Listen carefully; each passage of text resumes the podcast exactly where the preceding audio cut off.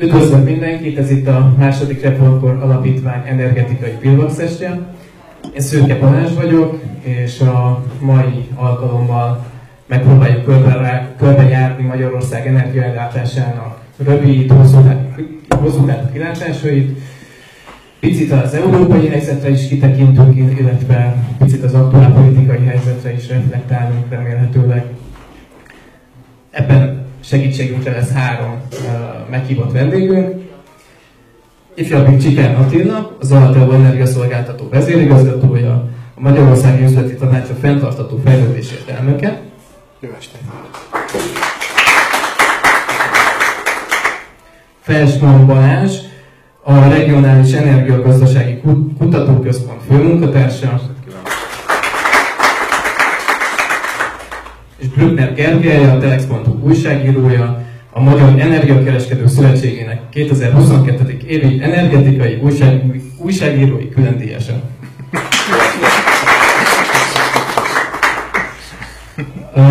Azt szeretném kérni, hogy próbáljunk meg először egy ilyen európai kitekintéssel kezdeni. Ugye felmerül mindig az, hogy, hogy Magyarország mennyire az európai trendvonalba illeszkedik be, vagy mennyire járunk éppen egy külön utat. Ugyanúgy igaz ez az energetikai helyzetre. Az érdekelne elsősorban, hogy Európában általánosságban hasonlóan nagy ez az energiapánik, energiaválság, mint, mint Magyarországon, vagy ott a picire jobbak a mutatók, mi történik ott az energiaárakkal, arányaiban, tehát ott is észrevehetőek ezek a 10-15-szörös szorzók, amiket uh, itthon tapasztalunk, vagy, vagy azért ott, ott mondjuk mérsékeltebb, vagy akár durvább a helyzet. Illetve ugyanúgy picit, hogyha már a kérdés második fel, meg a, a tároló kapacitásokra kérdeznék rá, hogy, hogy hogy látják, hogy Európában mit fog hozni a tél, van erre hosszú, vagy van-e rövid távú stratégiájuk, biztonságban van-e az európai polgárok meleg lakása. Bárki kezdheti, utána lehet majd szerintem reflektálni.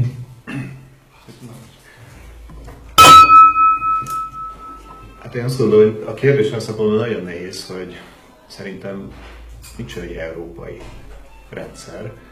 Az energia szektor szabályozása, meg egyébként az energia mix összerakása az igazából nemzetállami kézben maradt továbbra is Európában. Tehát borzasztó nehéz összehasonlítani országot országgal, mert hogy rendkívül különbözőek az energiarendszerek. Ha például most nézzük, ugye ami a, nyilván most a figyelem középpontjában van, ez a gáz. Ez a gázhelyzet. Elnézést csak nem, nem. Ja, én vagyok a hibás, bocsánat. Rá nehezettem. Csak nem, nem egyeztem közelebb húzni a mikrofon nekem. Bocsánat. szóval, hogy ha, ha azt nézzük most, ugye, ami a legnagyobb figyelmet kapja a gázhelyzet, akkor óriási különbség az európai ország között, hogy a földgáz mekkora arányt tölt be az energiamixbe. Vannak országok, akik egyáltalán nem használnak földgázt, és vannak, akik mondjuk úgy körülbelül az energiarendszerük egyharmadában használnak földgázt. Ilyenek vagyunk mi.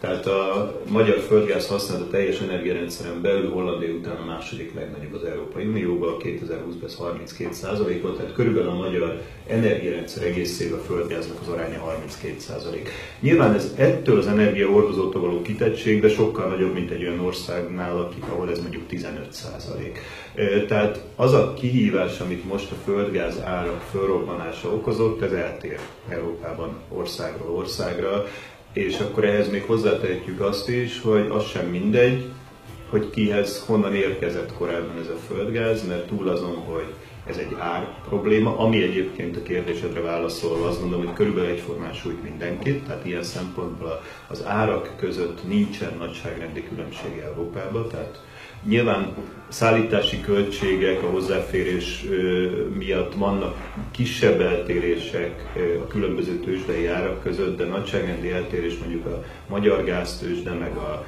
meg az osztrák gáztőzsde, de akár a holland TTF között nincsen. Tehát nem, nem ez az elsődleges probléma. Ellátás biztonságilag van különbség, hiszen az, hogy ki mennyire fér hozzá nem orosz eredetű gázokhoz, ez nagyon eltér az országok esetében. Nyilván minél inkább kontinentális egy ország, és minél keletebbre van, annál nagyobb ez a fajta kitettsége, és egyébként ez nem is egy új keletű probléma, hiszen ezzel egyébként már másfél évtizeddel ezelőtt is szembesült Magyarország, közel nem ekkora horderejű volt az akkori gázcsap elzárás, de erre a gázcsap elzárásra válaszul, ugye Magyarország akkor úgy döntött, hogy szükség van egy stratégiai gáztárolóra. Akkor egyébként ezt próbálta a magyar kormány európai szabályozássá is tenni, de összességében Olaszország és Magyarország volt az a két ország, ami valóban megvalósított stratégiai gáztárolást és még van egy-két ország, ahol ilyen kereskedelmi tárolói kötelezettség van, de nem túl sok. Az volt a válasz, hogy ez nem egy össze-európai probléma, ez a ti dolgotok, lokális probléma, lokálisan oldjátok meg. Nyilván ez a mostani helyzetettől egészen más, ez most már sokok miatt nem lokális probléma, például azért sem, mert másik válasz erre a gázrendszerre, anomáliára az volt, hogy próbáljunk meg diversifikálni, több irányból biztosítani a gázimport lehetőségét, most már ugye Szlovéniát leszámítva minden országgal össze van kötve a magyar gázhálózat, ebben azt mondom, hogy a mindenkori magyar kormány megtette, amit meg lehetett tenni, meg, meg kellett tenni. Össze-európai léptékben is nagyon komoly a magyar gáztárolási kapacitás, a fogyasztás arányában. Ha most megnézzük egyébként a betárolt gázt, a Magyarország gázfogyasztás arányában, mondjuk ma nem néztem itt meg, de szerintem most 47% körül lehet. Tehát igazából nagyon biztonságos nak tűnik ez az ellátási háttér. Igen, a magyar helyzetről majd még Viszont, viszont a, igen, csak ugye azért, mert a kérdés az volt, hogy európai léptékben, hogyha ránézünk, és az a helyzet, hogy hogy, és azzal kezdtem, hogy nincs egy európai, mert hogy egész máshogy éli meg ezt a kockázatot egy Franciaország, amely konkrétan nem vásárol orosz eredetű gáz, mint mondjuk Magyarország, ahol meg gyakorlatilag molekula szinten minden ilyen gáz, minden gáz, amit felhasználunk, az azt gondolom többé-kevésbé orosz eredetű valahol. Hát pici van, ami Horvátország felől jön, ami nem az, de a többi az egyébként konkrétan az. Tehát az, hogy melyik ország hogyan lép, nagyon sokáig emiatt a különbség miatt hiányzott az európai szintű szolidaritás vagy együttműködés, hiszen nem látták össze európainak ezt a problémát. Igazából azt mondták, hogy a gázpiaci anomáliák helyben megoldhatók, meg helyben kezelendők. Szerintem ebben most van változás, egyértelmű változás, ebben az irányba mutatnak ugye azok a törekvések, amik, amik egyébként vitatott törekvések, mert az, hogy mondjuk ársapkát bevezetni a tőzsdei gázárakra, ugye ez ilyen bizottsági ötletelés volt, tehát össze-európai szintű ötletelés volt, ez már korán sem regionális piacokról szól, hanem, hanem össze-európai piacokról. De egyébként vissza oda, hogy, hogy egy olyan ország, mint Magyarország, amelyik egyébként is jelentős importot menedzseli a teljes energiarendszerét, hogy villamos energiában is jellemzően 25-30% között van az importarány. Magas a gázimport aránya az 80 plusz 85 százalék igazából a gázfelhasználásunkban. Ott nyilván ezek a fajta kitettségek halmozottan jelennek meg, erre nem sok más választ lehet szerintem adni, hogyha így stratégiai előre nézünk, mint hogy megnéz, meggondolni azt, hogy mi az, amiben ennél nagyobb mértékben tudunk önellátóak lenni, és itt könnyű is lesz nekem mindjárt Attilának továbbadni a mikrofont, mert szerintem egy olyan energiatípus van, amiben vannak lehetőségeink, hogy ne importra építsen, és ezek a megújuló energiák. És azt gondolom, hogy ebbe az irányba lehet, meg kell is elsődlegesen gondolkozni, és a mikrofon csak azzal adnám tovább, hogy azért egy jó hírt így az elejére annyit azért hadd mondjak el, hogy sok mindenben lehet kritizálni a magyar energiarendszert, de szerintem például az, hogy a 2020-as adatokban Magyarországon már az össz villamosenergia szektorban megtermelt összes villamosenergia 11%-a jött a, a napelemparkokból, ami egyébként a legmagasabb arány volt a teljes EU 27-ekben, az azt gondolom, hogy azért jelez egy komoly változást a korábbi rendszerhez képest. Nyilván ez egy része az egész rendszerünknek, nem old meg nagyon sok mindent, vannak is problémái, erről majd később biztos fogunk beszélgetni, de, de azt gondolom, hogy az irány azért látszik, hogy merre kell keresni a hosszabb távú megoldásokat. Köszönöm szépen, én csak hogy legyen nagyon nehéz a dolgot velünk, egyelőre maradok Európánál, aztán majd ha megígéred, hogy megkérdezem az országot, akkor arra majd külön reflektálok. Kiegészíteni szeretném a Balázs néhány, néhány gondolattal, amit érdemes talán megfontolni. Az egyik az az, hogy a, a, az energiaárak nem a háború alatt kezdtek el emelkedni, hanem már hamarabb is, és mielőtt elkezdtek emelkedni, már előtte nagyon sokszor beszéltünk arról, hogy meddig és mennyire fenntartható az az energiál környezetben működünk. Tehát az iparág úgy gondolja, vagy egy jelentős része, és az elemzők egy jelentős része úgy gondolja, hogy egyébként ugye nincs olyan, hogy, hogy, hogy, hogy ha nem lenne háború, ha az egyébként nincs, de mégis megkockáztatva ezt a mondást, az energiáraknak a normál szintje nem az, ami volt a háború előtt. Tehát innen nézve ezek a mostani árak nem a tízszeresen a normálisnak, hanem mondjuk a háromszor. Bocsánat, ez a, de ez a Covid? Vagy attól is teljesen független? Nem, ez nem a Covid, ez, ez, ez, ez több, több szempontból, ez alapvetően, mert ugye ha, ha, ha megkapom az egész órát, akkor válaszolok a kérdésre, ha nem, akkor, akkor csak két szempontot hagyd dobjak be, mert, mert van itt bőven egyébként.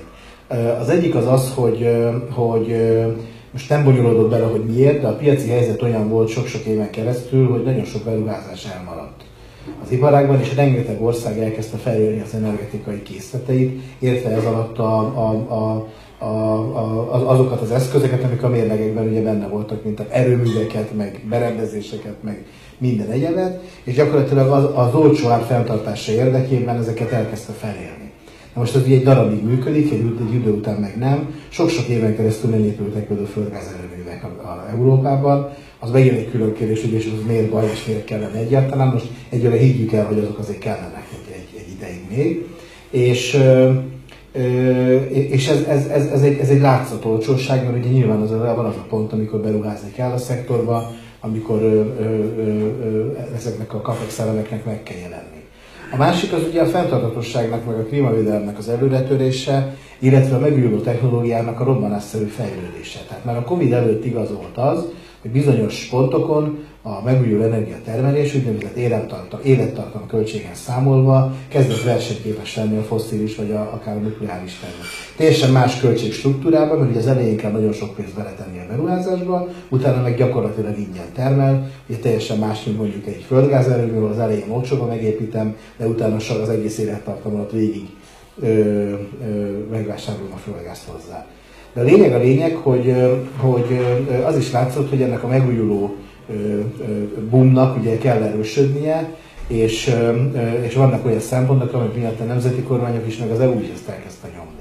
Ennek viszont van egy elfelhajtó hatása több szemponton keresztül. A rendszerbiztonságtól elkezdve nagyon sok pont van, ami miatt ez, ez, ez működik. És a harmadik meg a CO2 piac, ugye a széndiokszid piac, ami sok-sok évi szenvedés, kínszenvedés után kezdett életre kelni és ez ugye van akinek rossz hír, mert ez is drágítja az árakat, de ugye alapvetően ez is a fenntarthatóságról szól, ugye, hogy legyen egy ára, árazzuk be azt, hogyha valaki negatívan hat a, a, a környezetére, és tudjuk motiválni azt, aki megtakarít, vagy aki, aki, aki megújulót alkalmaz. Szóval volt egy csomó olyan hatás, ami fölfelé kezdte el nyomni az árakat, és most az az elemzői, nincs elemzői konszenzus, sok elemző azt mondja, hogy azért azok az árak, amik hosszú távon lesznek, azok magasabbak lesznek markánsan, mint, mint ami volt. A szép új, vagy a, vagy a szép régi világ, vagy hogy mondják ezt, nem fog visszatérni. Tehát az nem lesz már soha többé.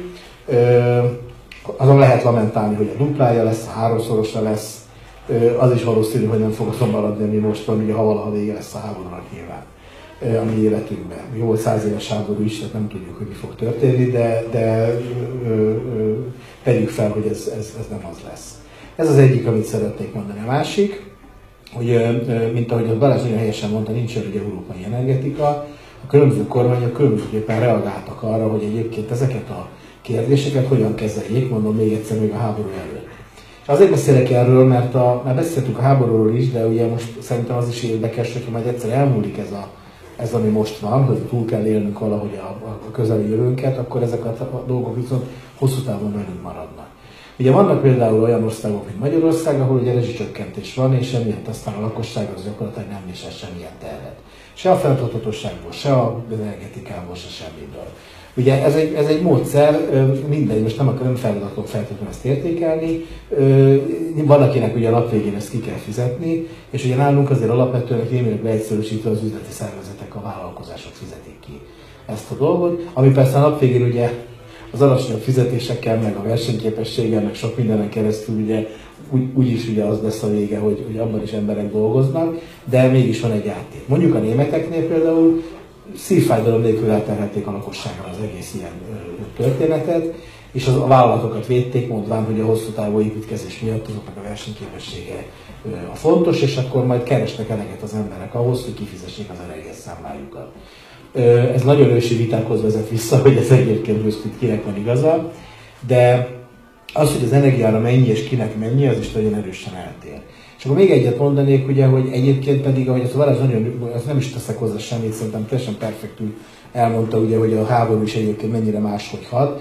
Azért vannak itt nagyon szerencsés országok, mint Norvégia például, ahol gyakorlatilag most is baromi olcsó a villamos energia, mert hát ugye van neki minden, ami kell, meg még egy kicsit több is, úgyhogy Ugye, és hát aztán vannak olyanok, ahol meg, ahol meg olyan ország nem igazán hiszem, hogy van, ahol a, tél, a, a, a, tértől abból a szempontból félni kell, hogy akkor most megfagynak a, az emberek. Ö, ö, ö, most, most azt gondolom azért, hogy majdnem, hogy minden országban van valamilyen terv arra nézve, vészhelyzeti terv, hogy mi van akkor, ha mégsem elég a földgáz, mégsem elég az energia.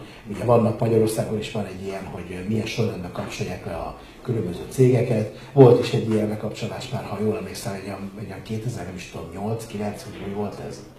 Azt hiszem 90. 90, 2009-ben néhány napra lekapcsoltak, igen, szünet miatt lekapcsoltak bizonyos fogyasztókat, nyilván nem a lakossággal fogják ezt, ezt kezdeni. Hát az jobb az a mikrofon, hogyha, jobb? hogyha tudod, hogy igen.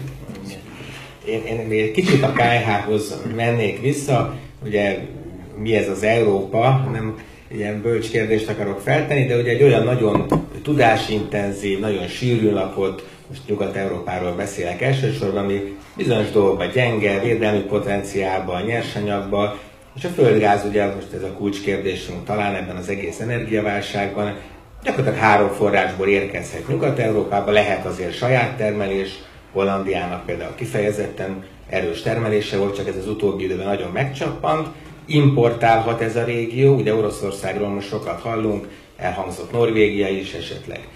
Észak-Afrika jön még szóba, illetve vannak ígéretes lelőhelyek, ami azért még jó néhány év, hogy Ciprus, Izrael, valaki beszálljon ugye ebbe a nagyobb ellátásba. És van még egy elem, amiről a megoldás része lehet, nem sokat beszéltünk még róla, meg Magyarország szempontjából ugye a horvát import elhangzott, ugye van ez az LNG, tehát hogy ez a cseppfolyósított földgáz, összesűrítik a, a földgáz folyékony állapotba, tankerek elhozzák akár Katar, Nigéria, Ausztrália felől, csak itt az a gond, hogy az egész világgal versenyzünk mi európaiak azért, hogy ezeket megvásároljuk, nincs elég visszagázosító kapacitás, terminál, vannak olyan helyek, hát Japán, Dél-Korea, ugye nagyon nehéz lenne vezetékeket vinni, amelyik eleve csak az LNG tankerektől tudja beszerezni a, a földgáz igényét, és ugye hát gyakorlatilag ebben a versenyben állandóan nagyon magas az ár, még akkor is magas volt, amikor mi még ezt a bizonyos olcsó orosz földgázt tudtuk venni biztonságosan.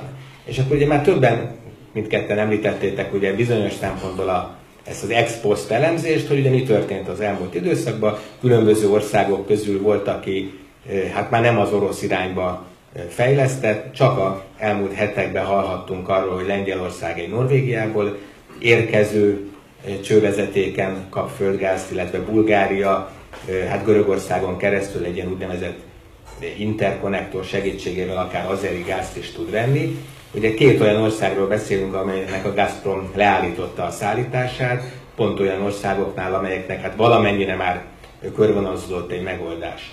És akkor itt jön egy olyan kérdés, amit valószínűleg később még fogunk érinteni, hogy az a magyar stratégia az mennyire hibás, amelyik azért alapvetően továbbra is a gázpiacon az orosz molekulákra, ha kiszélesítjük az energiapiacon, ugye a Paks 2 projekttel még jobban Oroszországra fókuszált, és természetesen majd mondhatjuk azt, hogy ez egy nagyon elhibázott dolog volt, és az elméletet megújuló eredmények ellenére is lehetett volna többet lépni.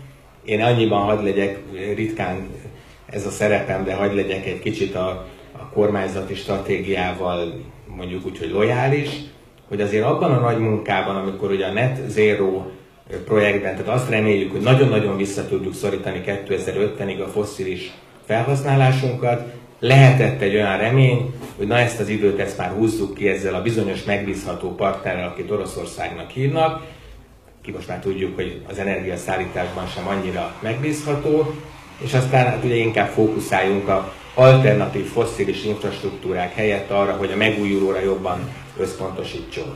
Tehát akkor, amikor mindenki azzal kritizálja, szerintem egyébként jogosan a kormányzatot, rezsiár miatt nem volt energiatakarékosság, az emberek nem voltak arra ösztönözve, hogy szigeteljenek, jött az olcsó orosz gáz, relatíve olcsó orosz gáz, akkor azért egy kicsit én ezt is érzem, hogy egy, tehát tényleg egy meglepetés szerűen is felborult az a világképünk.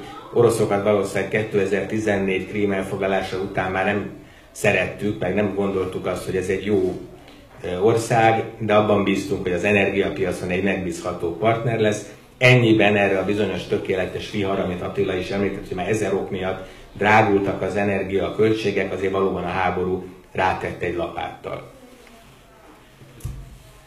Igen, megyünk Magyarországra. Még egy gyors olyan kérdés lenne Európával kapcsolatban, hogy aktuál politika, északi áramlat. Most nem is feltétlenül ennek a biztonságpolitikai, külpolitikai viszonyai érdekelne, hanem az, hogy ez rövid, illetve hosszú távon okoz-e bármilyen problémát.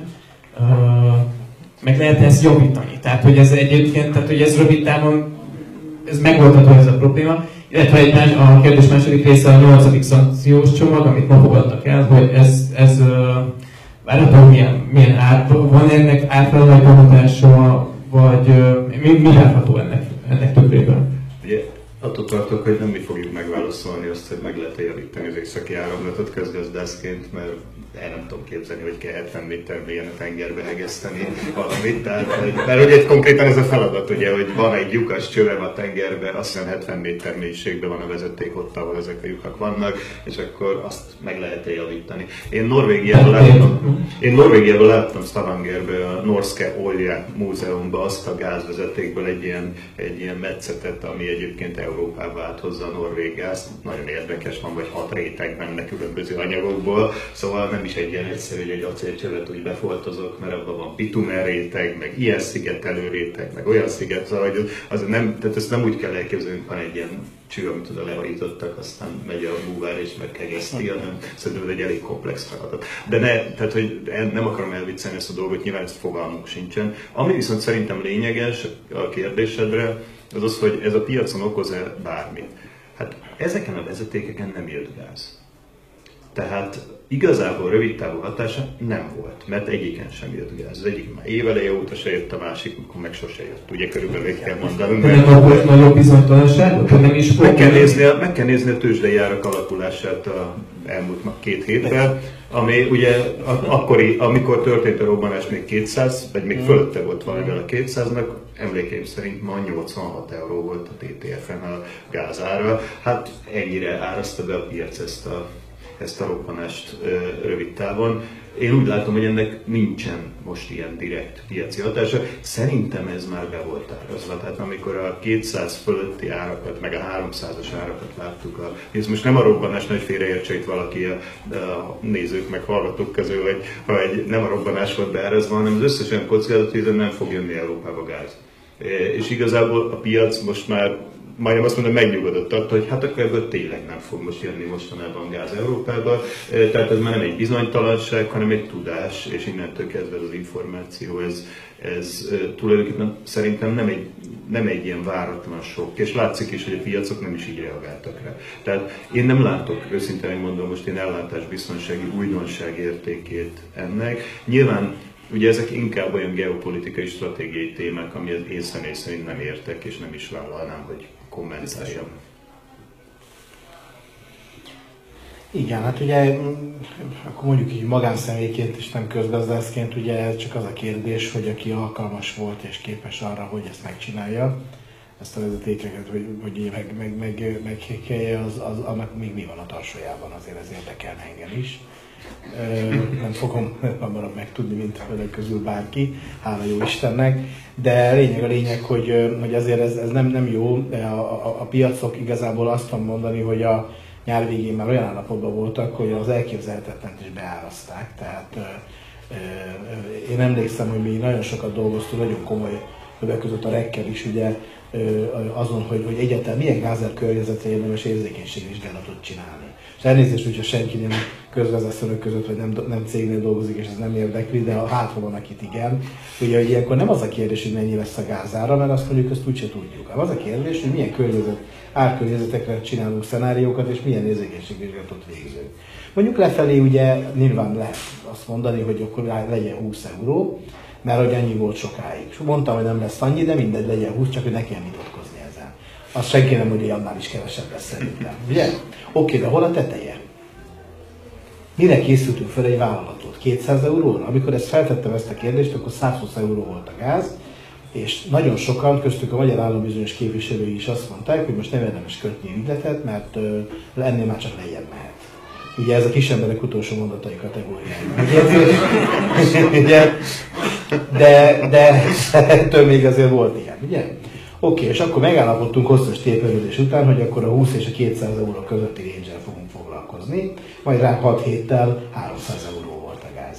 Jó, és akkor ebből mi a következtetés? Akkor ez akkor 400 vagy 500 tehát a piacok teljesen elmentek az abnormalitás irányába. Tehát ezeknek az áraknak nincsen fundamentális ö, ö, alapja már. És innentől kezdve igazából azért nem tudjunk arra válaszolni, hogy mi hat, mi hat rá, mert a lélektan az sokkal jobban hat rá, mint bármi más igazából. Ö, ö, akárhol északi áramlat, akár nincs, 300 eurós gázának semmilyen értelme nincs. Gergely, a nyolcadik szantiós csomag. Jó, Isten, az még. Neked jó Igen, bocs. Igen, igen, tény, hogy a technológiai javítás részleteit azt én sem tudnám most feltárni, mert megy a gáz a vízbe, erről csak a szódás üveg jut eszembe, azon kívül sajnos túl sok minden nem tudnék hozzátenni. Annyiban én egyébként érzem az ár hatását, pro is meg kontra, hogy ugye egyrészt kicsit csökken az oroszoknak a játékteres zsarolási potenciálja, nevezzük így, hogyha csökkennek a potenciális szállítási útvonalak, erről nem akarok senkit hosszasan untatni, de mondjuk alapvetően négy nagy vezeték jön Európába, Oroszországból, van egy Jamal, van a északi áramlat, van a testvériség, és van a nevezzük török áramlat balkáni ágának, és most eljutottunk oda, hogy szinte már csak mi kapunk az Európai Uniós tagállamok közül gázt. Erre nem tudom, hogy büszkék legyünk, vagy szégyeljük, de mindesetre délről jön gáz. Bulgária is rajta van ezen a vonalon, de ő tiltás alatt van, hogy ő nem vesz ki ebből gázt, és valamennyire ez a bizonyos testvériség nevű hát gázvezeték pár, ez még Szlovákiába, Ausztriába valamennyire szállít, de már ugye erről is voltak bejelentések. Egy Ukrajnán. Ami, megy, ami, ami, igen, ez egy külön vicces dolog, ez Ukrajnán megy át, és naponta az ukránok kapják a, a, a tranzitér, ugye az ellentételezést devizában az orosz Gazpromtól, tehát a háborúnak ez egy különösen érdekes mellékszála. A szankció, tehát ugye egyenlően a szankciókkal nekem az a, a, hát a legszomorúbb tapasztalatom, hogy ugye nem, tehát én szankciópárti vagyok azért, mert azt gondolom, hogy ez egy alapvető erkölcsi kötelesség, mit lehet tenni Oroszországgal, háborúzni nem akarunk, félrenézni nem akarunk, tárgyalni, hogy miről lehet tárgyalni, hogy tehát egy ilyen annexiónál, vagy akár korábban a rohamnál, tehát a szankció, nem tudom, hogy a háború végéhez közelíte, valószínűleg nem. Nem tudom, hogy az oroszoknak mekkora problémát okoz, lehet, hogy nem okoz olyan nagyot, de az, hogy egyáltalán magunk miatt, tehát a nyugati közvélemény miatt ne legyen az az érzése senkinek, hogy ez szó nélkül eltűrte a nyugat, és ugyanúgy kereskedik, talán még ezt az árat is megéri, hogy lehet, hogy tényleg hát magunkat lőjük lábon, ahogy mondani szoktuk. Ugye maga a nyolcadik csomag az az nem a legfajsúlyosabb elemekbe. A, még egy picit visszaugranék, ugye, a, tehát ugye az energia szankció, ez lett az új soros, tehát ugye a kormány mindig a szankciókat okolja újabban az inflációért, az energiaválságért. Ez tehát egy, egyrészt nem így kezdődött, tehát azért mindenképp az agressziót előrébb venném ebbe a történetbe, meg az oroszok folyamatos kínálat szűkítését, De ha már szankciókról beszélünk, ugye belengedve olajszankció van, ez se érint bennünket, földgáz szankció nincsen. Én egy kicsit abban bíztam, vagy nem tudom, hogy bíztam, de úgy kalkuláltam, hogy azért az oroszoknak a háború költségei, tehát amikor a kínálat szűkítés miatt ugye sokkal drágában tudják eladni a szénhidrogén, de kevesebbet. Tehát én abban gondolkodtam, hogy amikor mondjuk belépnek majd nem sokára az olajszankciók, minket nem érint, de más nyugati államokat igen, akkor lehet, hogy van olyan orosz érdek, hogy a földgáz szállításaikat magasabb szintre emeljék, stabilizálják, tehát ilyen szempontból azért az infrastruktúra kiesése az szerintem okozhat problémát. Azok az újabb technológiai, meg újabb vállalatokat, illetve újabb magánszemélyeket érintő körök, aminek biztos, hogy aki ért hozzá, tudja, hogy az a termék, ami még ment, de most már nem mehet Oroszországba, ugye amit a nyolcadik szankció tartalmaz, hát ez nem annyira erősen energetikai fókuszú, de hát ugye a békétlenségben nem kerülünk egymáshoz közelebb. Ugye, tehát kár tagadni azt, hogy most itt egy orosz-ukrán háborúról szoktunk írni, de azért már rég többennél, tehát amikor folyamatosan ártani akar a két fél egymásnak, még ha közben kereskednek is, meg elszámolnak is, akkor az már rég egy orosz-nyugati háború. Tehát én a szankci- újabb szankciós lépésnél azt érzem fontosnak, hogy sajnos soha nem látunk olyan lépést február 24 óta, ami a megbékélés, a rendezés, a nem tudom, de valami pozitív dolog irányába hatna. Ilyen szempontból természetesen megint annak a jelzése, hogy, hogy mélyül a, a történet, de mondjuk konkrétan nem tudnám kivetíteni, hogy akkor ennek van egy százalékos energiár hatása, ilyen talán nincs. Na, és akkor térjünk kicsit hazai vizekre. Uh, először az, az érdekelne, főleg, hogy most ilyen nagyon populárisan megfogalmazva, hogy lesz-e mivel fűteni télen, tehát hogy, hogy biztosított-e tél végéig a földgáz ellátottság, vagy, vagy nem. Most egyébként hogy állunk most? Tehát, hogy mi business as usual, ugyanúgy megy tovább nálunk minden, tehát a, a szállításokra vonatkozva, vagy vannak, ahol kiesések történnek, tehát tényleg hogy áll most Magyarország ezen a téren? Amennyire én látom, egyelőre nincsenek kiesések, tehát egyelőre ütemezetten jön be a gáz Magyarországra, ugye, ahogy ezt az Gergely is mondta, hogy, hogy mi kapjuk ezen a, ezen a déli áramlat vezetéken. Egyébként is ez volt tervben, és még ha egy picit ezekbe az ilyen európai szintű dolgokba visszakanyarodhatunk, ugye azért én ebbe, ebbe meg én leszek egy kicsit lojális a magyar kormányjal, mert hogy alapvetően Magyarország nagyon sokáig ellenezte a Nord Stream-et. Tehát Magyarország abban az országcsoportba tartozott, amelyik azt mondta, hogy nem, nem jó ötlet ez a német-orosz barátságvezeték, megírjuk ezt így, mert így mindenki kikerülve közvetlenül Németországba építették ezt a vezetéket, mert ez számunkra és az egész régiónk számára egy nagyon negatív hír volt. Nekünk sokkal jobb volt az a modell, amit ugye Oroszország el akart kerülni, hogy Ukrajnán keresztül, tehát a kontinens közepén jön be a gáz, és tulajdonképpen a mi régiónk egyfajta hubként ezt szétosztja. Tehát valójában ez nem volt magyar érdek, és én úgy látom, hogy ebből tekintve a magyar kormánynak nem nagyon volt más útja, amikor látszott, hogy elkészül ez a Nord Stream, és egyértelműen vált, hogy az oroszok meg fogják tudni kerülni az ukrán tranzitot, hogy akkor tulajdonképpen azt mondom, hogy egy ilyen B-tervként akkor azt mondtuk mi is, hogy hát akkor legalább azzal biztosítsuk a saját ellátásunkat, hogy jöjjön ez a téli áramlat ide Magyarországra. Én úgy, ez most is jön, tehát hogy ezt, az, ezt most nem minősítsük, szerintem a jelen helyzetben jó, hogy jön gáz Magyarországra, tehát szerintem azért ezt, ezt rögzítsük, hogy sokkal jobb, hogy jön, mintha nem jönne. Az, hogy hogy állunk, természetesen senki nem fog megfagyni, hát az előbb is mondtam már az első körbe, hogy hogy egyébként jelenleg is egy teljes éves fogyasztás, egy, egy normál békeév teljes fogyasztására, most békeévet nem a háborúval értem, hanem a jelenlegi gazdasági helyzet előtti békeév fogyasztásának a 45-47%-a már ott van a tárolókban hát ez még egy igazából egy keményebb térre is talán korlátozások nélkül elég lenne, egy normális térre pedig egészen biztosan elegendő, akkor is, ha holnaptól semmi nem jön, meg nem termelünk itthon semmit, amik ugye meg nem jön Horvátországból se, tehát azért itt csupa olyan van, ami nem, nem, nem, és ha semmi nem történik, még akkor se fagynánk meg. Ez szerintem mindenképpen jó jön. Na most még annyit, hogy azt mondtam, hogy egy normál békeév. Én azt gondolom, hogy jelenleg a gázpiac legnagyobb kérdése az az, hogy ez az ársok, mert szerintem már nem ellátásbiztonsági sok van, most már ársok van. Hogy ez az ársok, ez mit, ársok, ez mit fog jelenteni felhasználó oldali alkalmazkodásba. Mennyivel fog visszaesni a gázpiac mértéke? Itt egy számot hadd mondjak, hogy mennyire rugalmas és csak lakossági szám lesz, hát lesz már még egy körünk a lakosságra, meg a rezsicsökkentés hatásairól, de hogy borzasztóan tanulságos szám, hosszú, hosszú idősoros KSH adatokból, hogy 2006-ig az egyháztartásra jutó átlagos havi gázfogyasztás 120 köbméter volt. 2007 a piac liberalizáció éve, 2007 és 2012 között folyamatosan esik az egyháztartásra jutó gázfogyasztás, 2012-ben van a mélypontja, 70 köbméter per háztartása. 2013 óta folyamatosan emelkedik az egyháztartásra jutó gázfogyasztás, és 2021-ben ez újra 100 köbméter.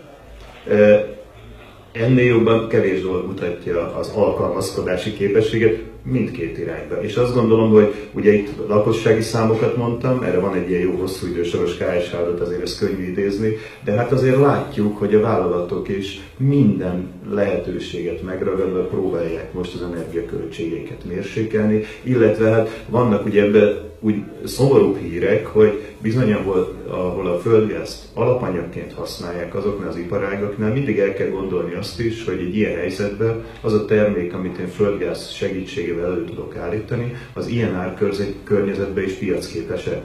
Ugye itt a legintenzívebb választ az európai műtrágyagyártók adták, akiknek több mint kétharmada bezárt és jelenleg ilyen árak mellett nem termel műtrágyát, és nyilván ennek lesznek ilyen továbbgyűrűző hatásai, mert az, hogy ők nem állítanak elő ennyi műtrágyát, az előbb-utóbb hiányozni fog a mezőgazdaságból az a műtrágya, hiányozni fog a földekből, csökkenni fog a terméshozam, mert csökken a terméshozam, annak lesz egy inflációs nyomása ugye a mezőgazdasági termékeknél, tehát azért ez a krízis, ez nem tud megállni rövid távon, mert, mert most még csak kapirgáljuk azt, hogy melyik részének milyen áttételes hatásai lehetnek, de ami egészen biztos, hogy a gázfogyasztásban egy jelentős mérséklésre lehet számítani.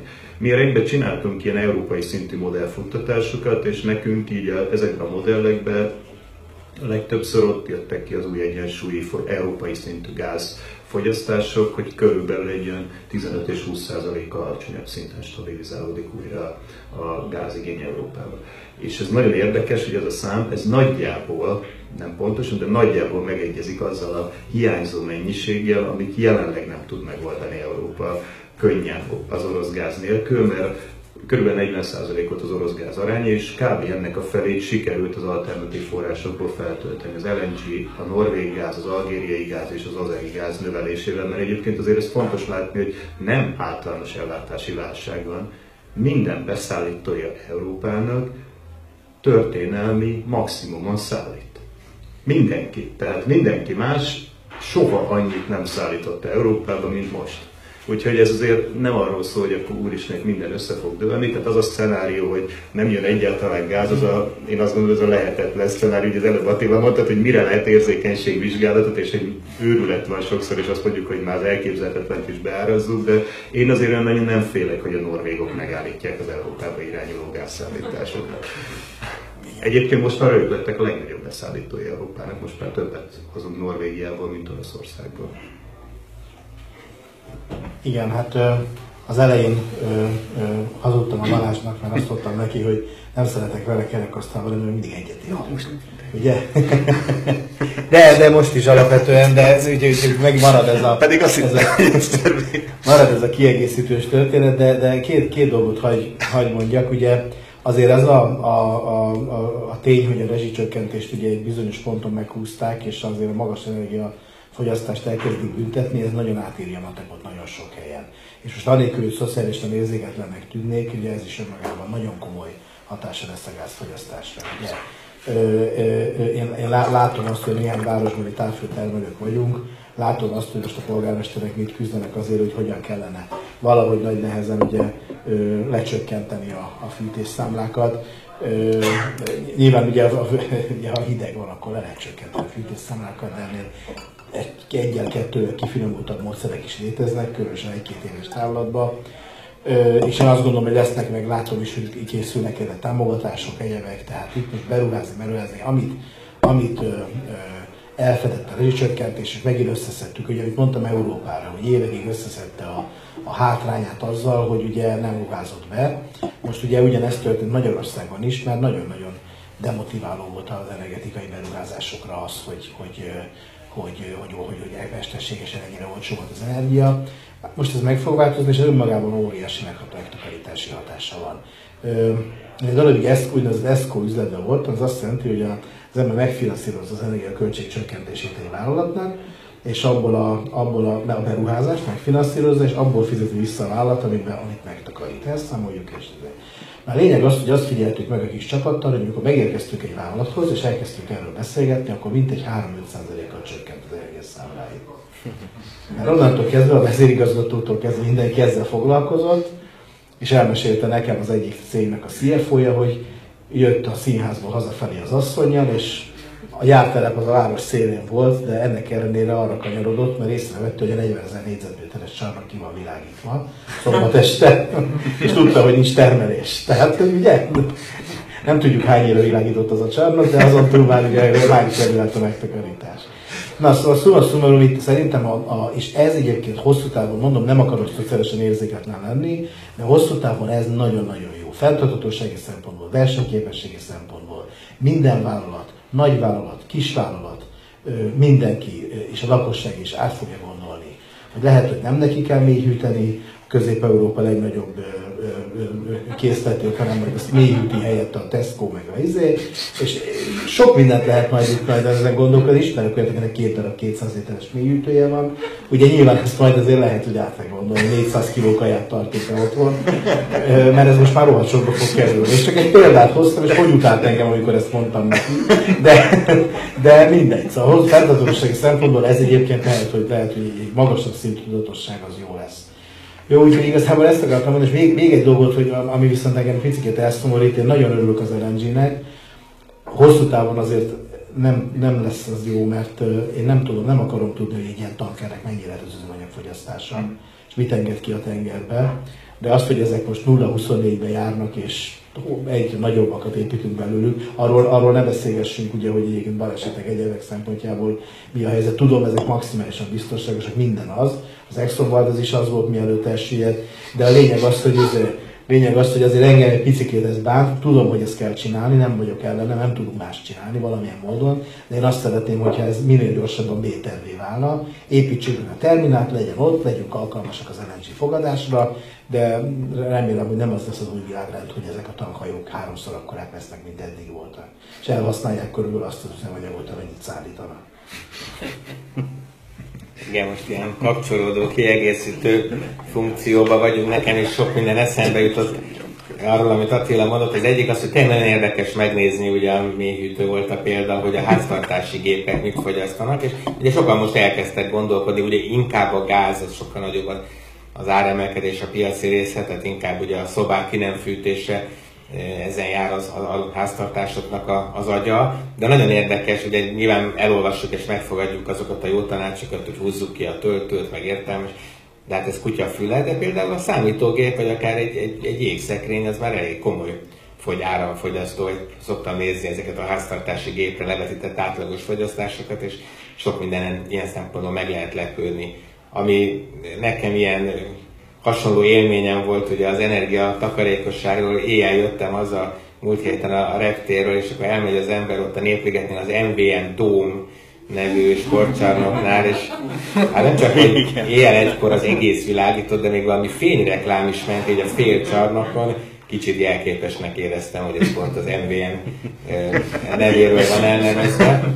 A műtrágyához szerettem volna még annyiban kapcsolódni, hogy Nemrég beszélgettem a Becsel Tamás nevű elemzővel az Erztétől, és hát mondta, hogy szerinte a, nem tudom, emberiség legnagyobb találmánya, ugye nem nagyon szeretjük, mert szennyezést tud okozni, meg túlhasználjuk, de hát ahogy ő mondta, nem tudom, két milliárd ember tudna eltartani a Föld nélküle. És ugye azért nagyon érdekes ez, mert hogyha nem versenyképes Európában gyártani, ugye azt gondolhatnánk, hogy a gáznak világpiaci ára van, de egyrészt nincs világpiaci ára, inkább regionális, és aki totálni tudja a, például az oroszok, hogy ők úgy gyártanak műtrágyát, hogy mondjuk harmad annyit vagy negyed annyit kell fizetni abban a gázért, ez tényleg kiárazhatja az európai műtrágyagyártókat.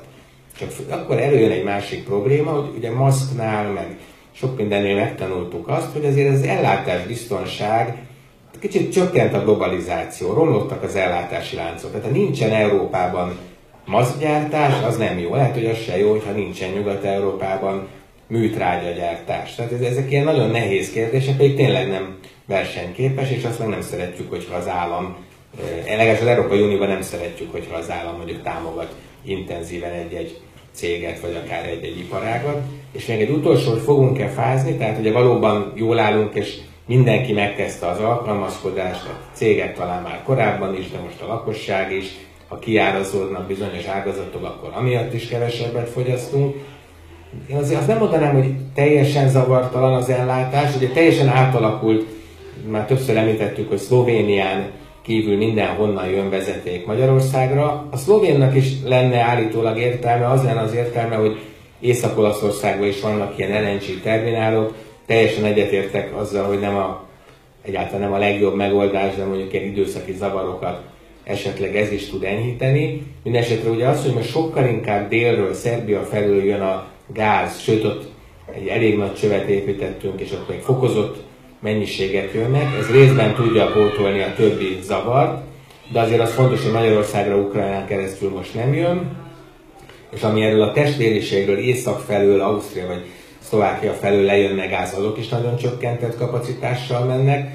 A horvát meg a román az egy érdekesebb úton, a Horvátországból egyedül ott ugye nem orosz molekula érkezik, hanem ott a Krikszigetről ott van egy ilyen LNG terminál, amerikai, nigériai, katari, mindenféle hajók lehet követni mindig online, hogy éppen mi történik abban a, abban a terminálban. És nagyon megváltozott a struktúra, egyáltalán nem látok én se problémát.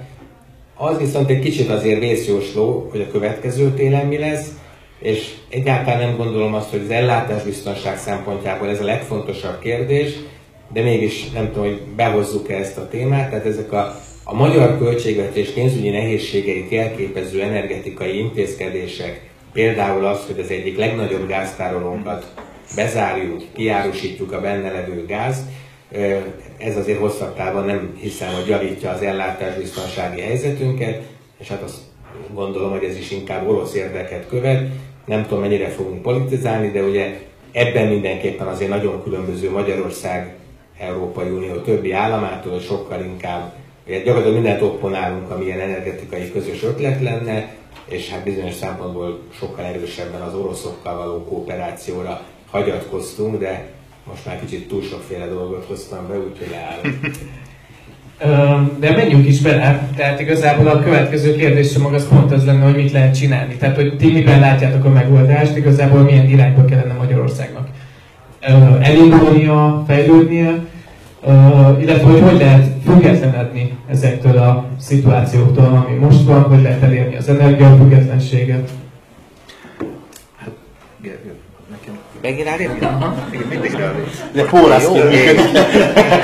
Vagy én nekem... Nem szívesen adom át neked, úgy Igen, megszerzed és nem akarod továbbadni, de én azt gondolom, hogy szerintem azért ez fontos, tényleg erről beszéljünk pár szót, hogy szerintem aki szakember és a gázszektorral foglalkozik, az amiatt, hogy egyébként egy ilyen értékes infrastruktúra elemet áldozunk be, mint egy gáztároló kapacitás, egy kereskedelmi tároló kapacitás, és rövid távú érdekek mentén szerintem ez egy szomorú ír. Ez egy nagyon szomorú ír. Jó lenne megérteni mélyebben is ennek a hátterét. Én személy szerint azt gondolom, hogy, hogy az ilyen, ugye azzal, hogy ha letermelik ezt a párnagázt, ezzel gyakorlatilag ezt a tárolót, ezt felszámolják, hát mondjuk ki őszintén. Tehát hogy ez egy, ez egy nagyon problémás dolog. Ezekben a tárolókban kell lenni egy alapgáz mennyiségnek ahhoz, hogy a tárolók magát használni lehessen. Most itt arról van szó, hogy a hajdúszokosztói tárolóból ugye az a terv, hogy ezt, mivel ez még nagyon olcsó áron lett betéve ez a párnagáz, akkor ezt most ki lehet venni, és akkor ugye ennek nincs többet költsége. De ez egy kicsit nekem olyan, amikor föléjük a holnapot a máért, és én az ilyeneknek nagyon nem vagyok híve őszintén, de szerintem nem ez a nem ez a jó irány. Amerre én elindulnék, az sokkal inkább, az beszéltünk az alkalmazkodásról, de, de abban még mindig rengeteg hatás, rengeteg lehetőség van. Én sem szeretnék szociálisan érzéketlennek látszani, de azt gondolom, hogy azért ez a, ez a rendszer, ahogyan, ahogyan most működik a rezsicsökkentés csökkentése, ez is egy csomó ilyen szuboptimumot okoz. Hát, szerintem ismeretségi körbe, Gergő, te is mondtad, ugye, hogy gáznál nagyobb az áremelkedés, mint a villany, a magyar kreativitással ugye mindenki elkezdett számolgatni, hú, villanyba még beleférek, veszek egy hősugárzót, hadd szóljon, gáz egy kicsit lejjebb tekerem. Ezek olyan tipikus magyar virtus, ugye, hogy akkor energetikai nagyon rosszat teszünk, mert a végén valami gázerőmű termelte meg ezt a villanyt, amit ott egyébként mi elhősugárzózunk, de, de hát ugye azt mondjuk, hát a jár támogatottára azt használhatjuk, a másiknál többet kéne fizetnem, azt nem használhatom. Ezek biztos, hogy nem, biztos, hogy nem optimális megoldásokra vezetnek. Azt gondolom, hogy itt lenne bőven mozgástér abban tekintetben. Én, én személy szerint sokkal inkább lennék híve egyfajta nominális kompenzációnak, most nem akarom de azt úgy hívni, egy rezsiutalvány, de csak azért hívom így, hogy lehet ez egy, egy, egy célzott pénz is ugye háztartásonként, de sokkal értelmesebb lenne szerintem az össze, összegben odaadni, és nem energiahordozónként odaadni ezt, mert akkor onnantól kezdve a szuboptimumot kizárhatnánk ebből, akkor mindenki azt csinálná meg, amivel ő a legtöbbet meg tud takarítani, nem azt, amivel egyébként hopp, ebbe fölötte vagyok ebből, lemegyek, és mondjuk átmegyek a másik energiahordozóra. Ebben az irányban én biztos, hogy látnék még bőven-bőven mozgásteret. Aztán ha, ha gázról beszélünk, akkor vannak olyan programok, amiket már réges-rég el lehetett volna indítani. Hollandia, ahogy elkezdtek kimerülni a gázmezői, elindította a gázról való leválás programját.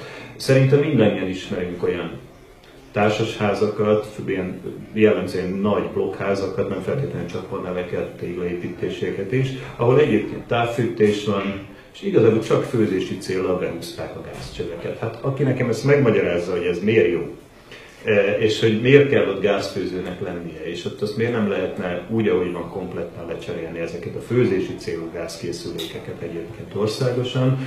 Szóval ez egy olyan dolog, ami azt mondom, hogy ilyen alacsonyan csüngő gyümölcs tényleg, mert le lehetne úgy cserélni, hogy igazából ez még nem okoz nagy infrastruktúrális e, változásokat, de nagyon néz megbecsülni, hogy mennyivel csökkenteni a, a lakosság gázfelhasználást, de így próbáltunk rá számolgatni, ilyen 5 és 10 százalék közötti mértékben már ez az egy dologgal is lehetne csökkenteni. Hát ez, pedig ez még nem egy olyan nagyon nagy dolog, mint egyébként a fűtési rendszereknek az átalakítása, mert az azért egy jóval komplexebb jóval komplexebb feladat. És azt gondolom, hogy vannak olyan részek, és most Attila korábban utaltál ugye arra, hogy ti, ti részt vesztek a távfőszolgáltatásban. Tehát vannak olyan részek, ahol most ez a hirtelen áremelkedés, ez egy ilyen megoldatlan helyzethez vezetett. Igazából én azt gondolom, hogy azok a önkormányzatok például, akik ebbe érintettek, az, az egyszerűen az ilyen lehetetlen esemény, hogy ők kigazdálkodják a számukra egyébként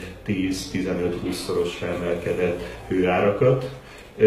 Itt biztos, hogy nem megúszható az, hogy valamilyen módon legyen, legyen kormányzati szerepvállalás, és legyen, legyen olyan megoldás, amivel, amivel kompenzálni lehet ezeket a vagy legalábbis kisegíteni lehet ezeket a típusú szereplőket. Szerintem itt, itt, itt mindenképpen most van egy hiány. Tehát itt én úgy látom, hogy itt hiányzik jelenleg a kommunikáció, itt kellene egy őszinte kommunikáció. Az önkormányzati vezetők ugye ezt megpróbálták kezdeményezni most már a kormány felé több több fórumon, ugye, hogy legyen valamilyen nemzeti csúcs, amin a kormány és az önkormányzatok is részt vesznek, és ennek a lehetőségét megoldják. Ez most egy picit be van söpör, nem picit, nagyon be van söpörve a szőnyeg alá ez a ez a probléma, és én ennek, ennek egy nagyon komoly feszültség lehetőségét látok, mert őszintén mondva a távfőszolgáltatásban a, a szabályozás egy olyan magas áron ütötte le a jövő évi gázárakat, ami nem kigazdálkodható. Jó, hát, hát én még a megújulókról, vagy megújulókról majd még kérdezném az Jó, hát ugye az a kérdés tényleg, hogy miről beszélgetünk, rövid vagy hosszú távról, vagy középtávról, mert ugye ez most a rövid táv, és én itt lényegesen pessimistább vagyok, mint a Balázs egyébként, ezt meg kell mondjam. Lehet, hogy ez nem az jól, de nekem sokkal rosszabb a véleményem. A megújulókról is beszélhetünk, de ez egy hosszú távú történet. Most az a helyzet, Ugye elmondtuk a fenntarthatóság, a megújulók, az energiamix, ez, az, az, mindenféle dolgokat. Én egyébként azt gondolom, hogy közép és hosszú távon nincsen megoldhatatlan probléma abban a helyzetben, amiben vagyunk. Nem tudom, mi a közép meg a hosszú táv, ezt nem tudom, mert ugye az egyik dolog, amit nem tudok, hogy mikor ér véget a háború, de tegyük fel, hogy ez mégiscsak a száz éves háború, akkor is azt gondolom, hogy közép és hosszú távon Európa meg fogja tudni oldani ezeket a dolgokat. Ö, én, én azt nem tudom, hogy mi lesz januárban. Az viszont egy teljes homály, És megmondom őszintén, én nem hiszek abban, hogy a kormányzat, lehet a kormányzatot kérni, hogy segítsen, de a kormányzat nincs a helyzetben, hogy segítsen. És ennek a beismerése majd még majd most fog következni, ugye történések után. Tehát ugye már mindenki tudja, hogy horror magas a gázszámlája, de az, de az még egyébként nem érkezett meg, mert majd amikor igazán hideg lesz, akkor fog megérkezni. Tehát most még csak beszélünk róla, de amikor az első nagyon hideg hónap a december, és aztán jön rá a január, ami ugye ez, és amikor valakinek megérkezik a gázszámlája a decemberi jövő januárba, vagy a januári jövő februárba, na az egy érdekes dolog lesz. Ráadásul, ugye és most a vállalatokról beszélek, a, a, a villamosenergia szerződések ebben az országban gyakorlatilag szinte kizárólag egyévesek, és szinte kizárólag január 1-től érvényesek. Ez régen volt igaz, most teljesen felbújult a piac, most össze-visszaköt mindenki mindent, Egyébként nem lehetett, most már az elmúlt hetekben nem is lehetett egyébként lefixálni, a kereskedők egész egyszerűen nem vállalták be ennek a kockázatát, hanem csak változó áras szerződést adtak, ami nem más, mint egy ígérvény, hogy lesz villany, csak nem mondom meg, hogy mennyiért, ugye? Tehát az régen azért nem hívtuk volna szerződésnek, ugye? ugye? azért a mennyiség és az ár, meg a, meg a szállítási idő az leszokott lenni tisztázva egy szerződésbe. Már nem lehetett. Tehát aki, aki elaludt egy kicsit, vagy nem tudom, várta, hogy majd lesz valami jobb helyzet, és nem kötött villamosenergia beszerzési szerződés, mint vállalkozás, az az utolsó néhány évben az nem tudott már érdemben lenni. Jön, de ugye a, a, nagyon sokaknak még az idei szerződése érvényes, ami szintén picit magas áron van, mert már tavaly ilyenkor még a háború előtt, hogy mondtam, elkezdtek emelkedni az árak, de ez még, ez még semmi. Januárban fog egy óriási villamosenergia számlát kapni, most már februárban fogja megkapni. Tehát februárban megérkezik neki a horrorisztikus gázszámlája, meg a horrorisztikus villanyszámlája, és szerintem a magyar vállalkozások 75%-ának lövésen is miből fogja kifizetni. Nem azért, mert dénák, hanem mert nem jön ki a matek.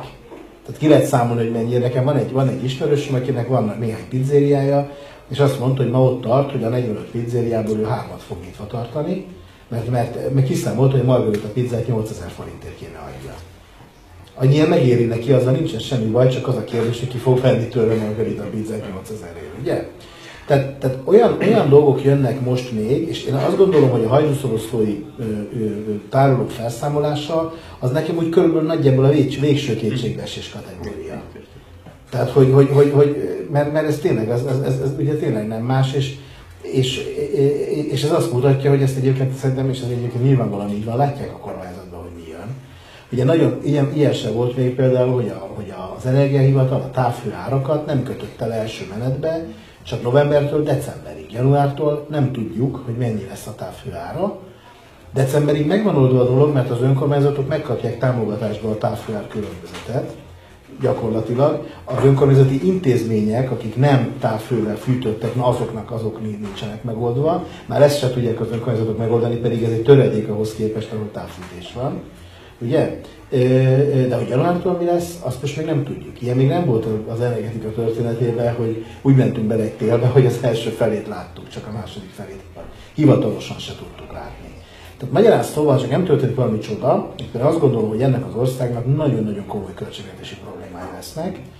Tervezhetetlen ez az egész úgy, ahogy van, és most csak az energetikáról beszéltem, ne beszéljünk arról, hogy egyébként a vállalkozások, ugye, hogyha egy csőd hullám elindul, akkor az hogyan hat a foglalkoztatásra. Most nem kell ezen végig menni, de szerintem ez, ez, a, ez a tökéletes vihar, ez nem az energetikában van, ez a magyar gazdaságban van ez a tökéletes vihar, és mi állunk a parton, és látjuk, hogy húzódik vissza a tenger, és majd egyszer rájövünk arra, hogy ez a cunaminak az eleje. Ugye egyelőre még állunk a parton, én azt látom nagyon sokszor. Ö, ö, és, és ez, ha, ha ezzel végig gondoljuk, akkor egyébként én azt gondolom, hogy Hát az Európai Unióval való megegyezés az, az, a, az a nulladik feltétel, tehát nem véletlen azért az, hogy erre ugye azért változik a hangnem. Ö, és hát én nem akarok károgni, de én azt gondolom, hogy egy ponton az IMF az, aki, aki, aki tiszteletét fogja tenni nálunk, ö, vagy valami egyéb. Nem mondom, ne legyen igaz, tehát ezt nem akarom, én egy tőzsdei céget vezetek, nekem vannak altó részvényeim, én szeretném, hogyha jól menne itt a világ. Nem arról van hogy én ezt akarom, vagy valami, én, az, én, én azt, azt mondom, hogy én most biztos, hogy nem lennék pénzügyminiszter. Én nem is kértek, de nem is nem. ez, ez, ez, ez, Remélem nem vagyok túlságosan borús ezen a szép szeptemberi, vagy mi van most, októberi estében, bár holnap hatodika van, tehát végül az alapértanúkhoz nem is rossz ez így. Igen, engem se, kértek, engem se kértek pénzügyminiszternek, de azt hiszem, hogy ezzel nem leptek meg senkit. Attila azt mondta, hogy nem menjünk végig a, a, a folyamaton, de egy pillanatra hadd próbálja meg egy kicsit kézzelfoghatóvá tenni, miért ennyire nehéz még egy, egy ilyen önkormányzati intézménynek is az energiahelyzetet. Tehát ugye mindenféle módon próbálunk reagálni, hosszabb téli szünet, maradjanak otthon a gyerekek, egy-két intézmény eszünkbe jut, hogy ezt be lehet zárni, művházak, múzeumok, uszodák, tenni, fedett teniszpályák, fürdők, ilyesmi, de ha egy kicsit is belegondolunk, azért ez nem önmagában van, hogy akkor be van zárva a fürdő, hanem mondjuk, ha van egy város, mondjuk nem tudom, Gyula, akkor annak a téli turisztikai potenciája az ott levő szállodák, a fürdőben dolgozó emberek, a fürdő mellett üzemelő étterem, a büfé. Tehát egy olyan következménye van annak, hogyha nem tudja kifizetni mondjuk az önkormányzati tulajdonú fürdőcég a, a gázszámlát vagy a villany számláját, hogy aztán nem, tehát nem tudom, hogy ki tudja ezeket a hatásmechanizmusokat pontosan kiszámítani, de ugye a lehető végén még sokkal-sokkal nagyobb adóhiány lesz, meg munkanélküli segély, most meg szerencsére ugye nagyon túlfűtött a munkaerőpiac, tehát még azt mondjuk, hogy azok az emberek, akiknek megszűnik a munkája, valószínűleg találnak munkát, de hát nyilván, hogyha itt recesszióba fordulunk egy ilyen energiahelyzetben, akkor, hát akkor ez, ez, már, ez már így alig ha lesz tartható. És hát ugye a, a, hát a megoldás, tehát sajnos ugye tényleg ilyen kis lépések, minden lépés nagyon fontos, tehát ezek a racionál, racionalizáló lépések, meg ezek a nagyon ilyen adhok kormányzati, nem ötlettelen lépések reagálnak a helyzetre, ugye ilyen volt ez a bizonyos hitel, fizetési halasztás, sokféleképpen lehet mondani, hogy mi egy mi egy ilyen ársapkát kapunk a gázra, amit most kell kifizetni, és akkor a következő három évben elosztva az a feletti árat. Ez nem jó, de olyan szempontból nagyon hasznos, hogy tényleg a végső, nem tudom, külkereskedelmi mínusz ellen most fel tudunk lépni. Csak ugye mindig ott van az megint egy, egy ilyen ellenpár, hogy ugye nagyon-nagyon fontos lenne az, hogy az borzalmasan megrodjant forintot és külkereskedelmi egyenlegünket fizetési mérlegünket javítsák az uniós források, csak hogy közelítünk úgy, a, biztos, hogy van egy konkrét megállapodási pálya, hogy miket kell tennünk, csak ha közben mi állandóan az unió ellen megyünk kommunikációban, ötletopponálásban, oroszokkal való külön tárgyalásban, akkor azért nincs előttem az, hogy tényleg ebbe az irányba közelítenénk, de hogy akkor egy kicsit valami optimista irányba is csavarjam a végét, tehát a közép és a hosszú távú megoldásokkal mindenféle alternatív energia forrásnak a támogatása szükséges lenne, ebben mintha lenne egy kis ellépés, tehát ugye nem tudom mennyire közismert, de most olyan szabályozás volt Magyarországon, ami hát gyakorlatilag például a szélenergiának az új beruházásait lehetetlenné tette, ugye azt hírlik, hogy ez ez változik, eddig se feltétlenül értettük, hogy ez, ez, ez miért kell, hallani lehet minden egyébről, másfajta gázról, azt hiszem a vízerőműről nem nagyon hallani, de akár az is szóba kerülhet, ugye a nap erőműveknek a telepítése, főleg, hogyha a hálózat is be tudná fogadni, azért az, az, az, az egy folyamatos, hát ilyen pozitív változás. Azért vannak lépések, csak hát ezek most biztos, hogy nem fogják fél egy, másfél éven belül megoldani Magyarország gazdasági problémáit, de minden, ami az energiamixünk javítása, fenntarthatóvá tétele irányába hat, az persze a megoldás része lehet. Balázs, én majd reagálom. Előtte még felteszem a kérdést, Van jó? És akkor rá. utána kezdheted is ezzel. Nagyon megy az időnk, tehát ez már az utolsó kérdéskör sajnos, pedig, pedig lenne még pár kérdésem, de mindenképpen jó lenne tényleg, hogyha kicsit a megújulókról többet beszélnénk még ma. Milyen lehetőségek rejlenek a megújulókban? Ugye most, tehát talán 12%-ot mondtál, 14-et olvastam, vagy de az, az a napelemek akkor nagyjából jól lesz. Igen, igen, igen, igen, igen. nagyjából jól lehet a 14. Jó. Tehát, hogy mi a kívánatosít, tehát, hogy mi, mi uh, most persze 2050 klímasemlegesség, de hogy tényleg mi a reális cél, hogy látjátok. Uh, a szélenergia itt felmerült, uh, Gergő, te elmondtad, többiektől is érdekelne, hogy szakmai érv van-e amellett, hogy, hogy uh, közelből tilos építeni, hogy ellehetetlenítették a beruházásokat. És még egy ilyen érdekesség, hogy geotermikus energiában ti mennyire látják, látjátok a lehetőségeket. Igazából csak is azt folyik, hogy mennyire jó a, az adottság itthon, hogy ez, ez, ez lehet a, a, a követ. Magyarországon ez mennyire igaz? Na, a reakciómat gyorsan még, mert ugye Attila Igen. azt mondta, hogy sokkal kevésbé optimista, mint én. De valószínűleg én sem vagyok nagyon optimista, csak nem szeretek rémér terjesztő lenni. Most nem voltál rémér terjesztő, csak egyszerűen, egyszerűen ember szeretné egyel pozitívabban látni a világot, mint ami ennek egyébként a rossz pillanataiban látja. Ami engem egy icipicit optimistábbá tesz, az nem az, amikről ti beszéltetek, hanem az, amit egyébként nagyon sokszor nem szoktunk szeretni ennek a magyar gazdaságnak a szerkezetébe, de azért, ha belenézünk belőle ennek a gazdaságnak a szerkezetébe, akkor az a helyzet, hogy a itthon megtermelt hozzáadott érték 50%-át azok a globális multinacionális vállalatok állítják elő, akiknek egyébként a szempontjaik teljesen eltérnek attól, amikről itt most mi beszélgetünk. Tehát ezek a problémák, ezek sajnos borzasztó, tehát ezek a KKV-kat érintik, ezeket a szolgáltatási szektorokat érintik, és igazából az én némi optimizmusom az az, hogy ott a telephely választási döntések szempontjából ugye megszülettek azok a döntések, hogy ezek a cégek ezek itt dolgoznak Magyarországon, és én, nekem úgy tűnik, hogy ebben nem is várható elmozdulás. És ezt szerintem, hogy mondjam, nem állítom, hogy ez önmagában elég, de azt gondolom, hogy egy recessziónak azért valahol megrajzolja az alját. Tehát nem, nem kell azt gondolni, hogy mondjuk a magyar költségvetésnek nem lesz deviza bevétele, mert ugye ránézünk a magyarországi autógyárak, számítástechnikai eszközgyárak, felsorolhatnak bármelyik gépgyártásnak a, a szerkezeti összetételre, akkor azt látjuk, hogy ezek közül mindegyik 90% pluszos mértékben exportál. Ugye ez mindig azt jelenti, hogy a költségeinek a forintban keletkező költségek mellett ugye a bevételek azok viszont euróban, jellemzően euróban keletkeznek. Ezek azért adnak egy stabilitást valami. És ugye ez okozta azt, hogy nagyon sokáig pozitív volt a magyar külkeregyenleg. Mivel értjük, hogy most miért nem pozitív, mert a korábbi 3%-os súlya ugye az energiának fölment 12-15%-ra, ezt nem tudja kezelni a költségvetés. Én ilyen szempontból egyébként most például megengedő vagyok ebbe, bármennyire is valahol azért kellemetlen, hogy a Gazprom finanszírozza a magyar költségvetést, de hogy olyan szempontból azért az, azért az nem egy rossz irány ilyenkor, hogy, hogy van egy cashflow limit és van egy cashflow megállapodás, hogy egy bizonyos rész fölötti részt azt eloszta, fizeti meg ugye Magyarország ebből a hihetetlen csúcsból, ami ugye most kijött az ilyen költségbe. Szerintem ezek, ezek azért segíthetnek, de abszolút az én premisszáim azok onnan indulnak, amit Attila mondott, hogy nulladik feladatként nyilván azt az Európai Uniós megállapodást a magyar kormánynak meg kell kötnie, mert az látszik, hogy az brutálisan hiányzik ebből a, ebből a kalapból. Na és akkor a megújulókra.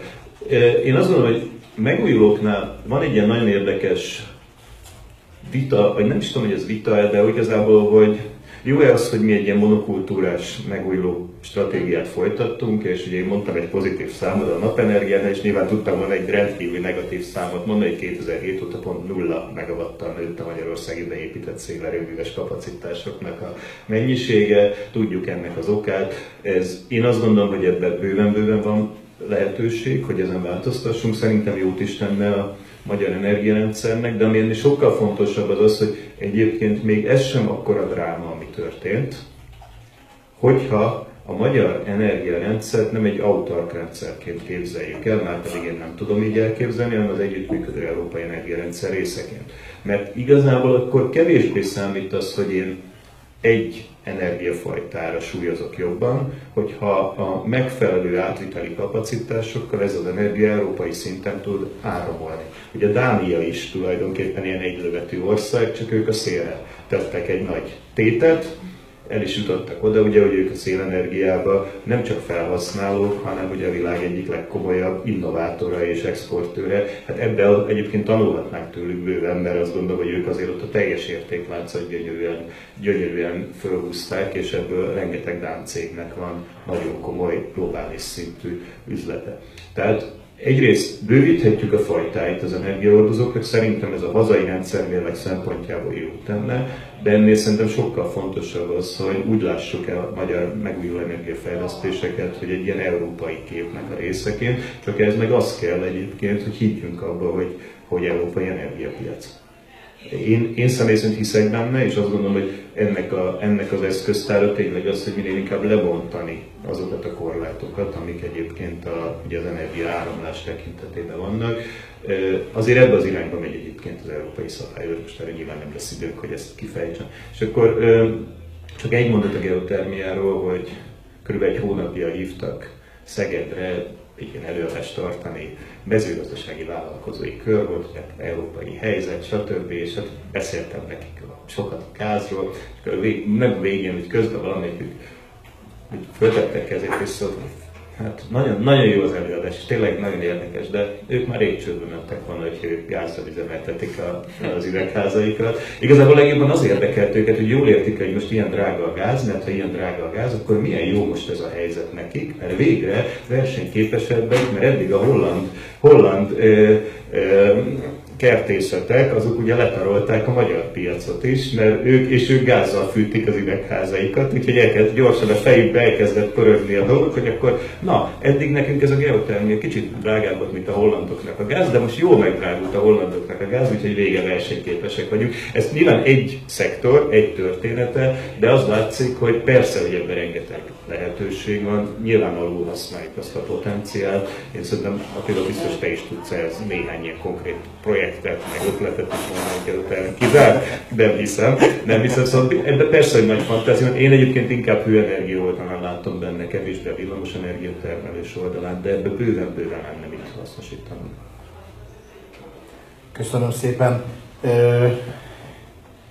Jó, három, három dolgot akkor hagyd mondjak csak el így nagyon röviden. Egyébként egyetértek a multikkal, de az energetikai részre csak ugye Magyarország egy kicsi, nyitott gazdaság, és az kell, hogy legyen. Tehát lehet emberkedni balra-jobbra, de ezek igazából ebben nem lesz Tehát az az, az az igazság, hogy ha ezt tudomásul vesztük, azért ez egy új világot teremt a számunkra, amikor kinézünk az ablakon, mert ugye innentől kezdve valóban úgy gondolom, hogy a 100%-os energiaellátottságunk az fenntarthatatlan, túl drága, és semmi értelme nincsen megcsinálni. Arra, arra koncentráljunk, hogy legyünk ott abban az integrációban, amiben ott kell lennünk. És igen, nagyon jól jönnek a multik. Nyilván azért ugye van egy csomó olyan iparág, de ebben nem menjünk vele, mert egyrészt elvezet, másrészt meg szerintem ezzel egyetértünk, ami, ami, ami viszont ugye és a szolgáltatások, ami viszont nagyon nehéz helyzetben lesz, nekem nagyon fáj ezért a szívem, mert rengeteg embernek benne van, rengeteg, rengeteg munkája, akár évtizedeknek a felépítgetett munkája, és miközben azért egy globális multinacionális vállalatnak óriás mozgástere van, és normális esetben, ha jól van vezetve, akkor sok évre való tartalékai, addig ugye ez a KKV-kra nem igaz, tehát ott lényegében, ha most valaki tönkre megy, akkor két év múlva kezdheti előről.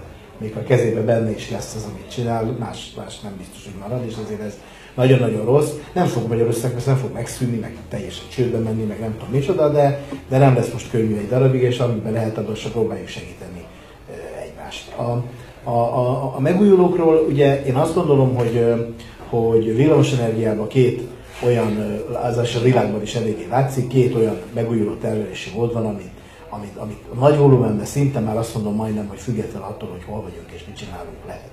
Használni ez a nap meg a szél. Tehát ezek, ezek messze, ezekből van a legtöbb, ezekből telepítenek a legtöbbet. Ennek van egy csomó oka, de azért alapvetően tényleg ezek nagyon jó, jó jószágok. Magyarországnak ugye elképesztően ambiciózus tervei vannak a napra, és a szélre is majd egyszer remélem, hogy lesznek. Én ezt tíz éve mondom, hogy nem hiszem el, hogy ez így marad. Én sokszor elmondtam, hogy nem, sokszor kell mondani igen, meg egyszer, ugye? Tehát ez nem csak a lelkérésre vonatkozik, hanem ugye a szélerőmű iparnak az újra fejlesztésére is. Értelmetlen nem kihasználni. Ha a meglévő tornyokat lecserélnénk makorszerűre, mert az se lehet most, az már önmagában a hatásfok és a nagyobb méret miatt két és fél három szorozhatná a szélerőműves termelést, és még azért anélkül, hogy különösebb környezeti kárt okoznánk, szerintem még egy másfél-kétszer annyi torony elférne, mint amennyi most van. Nem nehéz a matek kiszámolni, azért ezzel 6-8 szorozni tudnánk a, a, a szeres termelést. Körülbelül ott a határ, de azért az még elég messze van. Ö, napban nem nagyon van határ egyébként. Már hogy az értelmes keretek között. A többinél, a többi megújuló fajtára, tehát legyen az biomassa, biogáz, depóniagáz, vízerőmű Magyarországon, tehát most nem Brazíliáról vagy Kínáról beszélünk, vagy, vagy nem is tudom, mit hagytam ki, most mindegy, a geotermia, az mindig lokálisan, lokálisan kell megtalálni, hogy az egy, élő problémára legyen egy élő válasz, és lokálisan alkalmazva lehet jó. Ez két dolgot jelent, egyrészt, hogy jó lehet, másrészt, hogy ebből soha nem lesz nemzetgazdaságilag elsöpörő méret.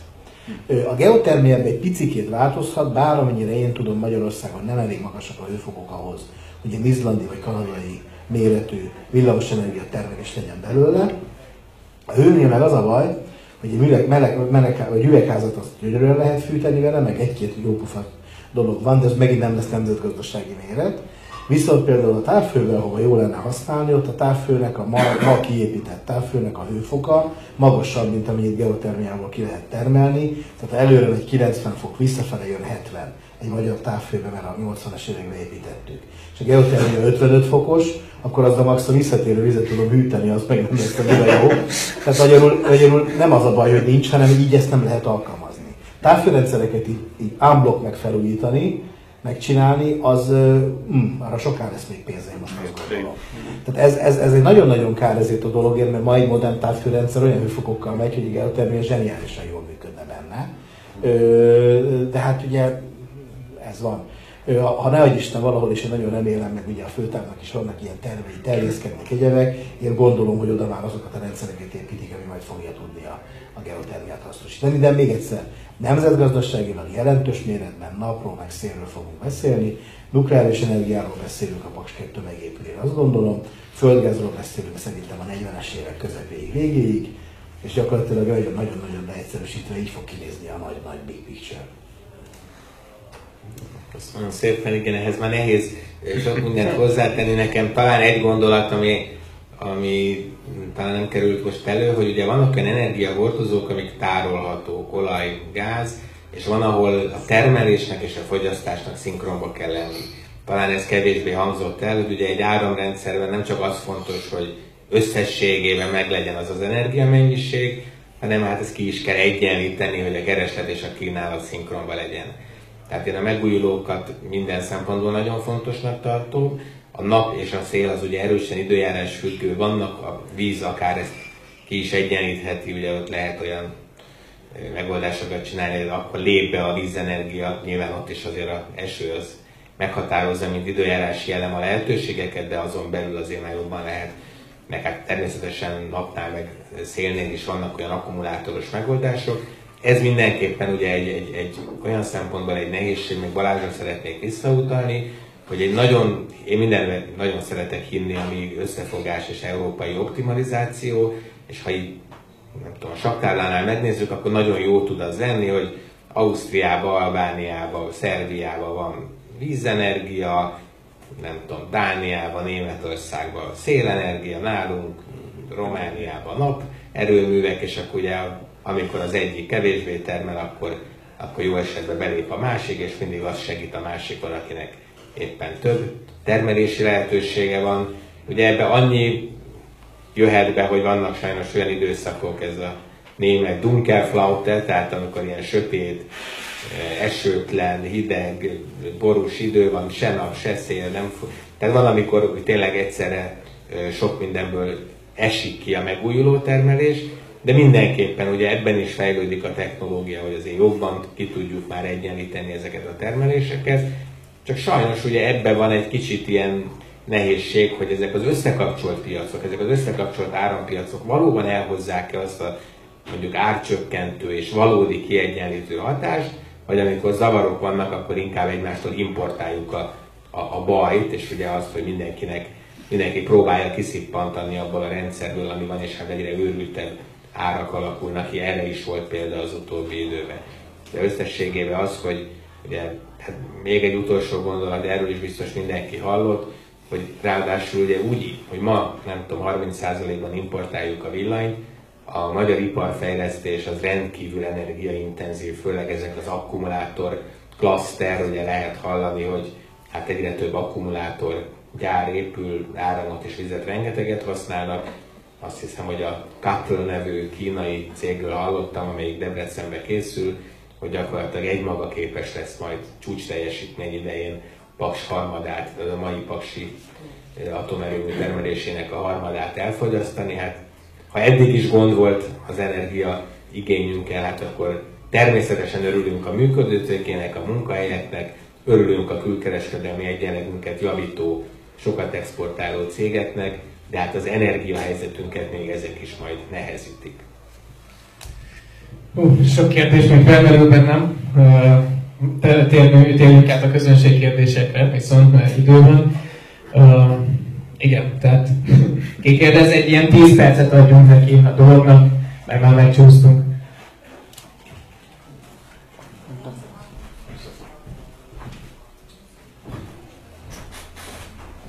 Szép estét! Közel. Meg tolt fel. Szóval szép jó estét! Én jobbról balra kérdezzék, nekem jobbról balra. Az első kérdésem az, hogy szóba került, hogy akár két-három százalékot is lehet spórolni egy modellben lecseréljük a gáztűzhelyet. Egy olyan modellben, ahol a gáztűzhely van, általában egy fázis van, egyen többnek a felújítása 100 milliós tétel. Tényleg megérné ez az első kérdés? A második középre, mint mint ember kérdezem, hogy az unió pénzt, energiahatékonysága mire költeni el? KKV támogatására, vagy igazából az állampolgároknak, hogy legyen új hőszivattyú, napelem, stb.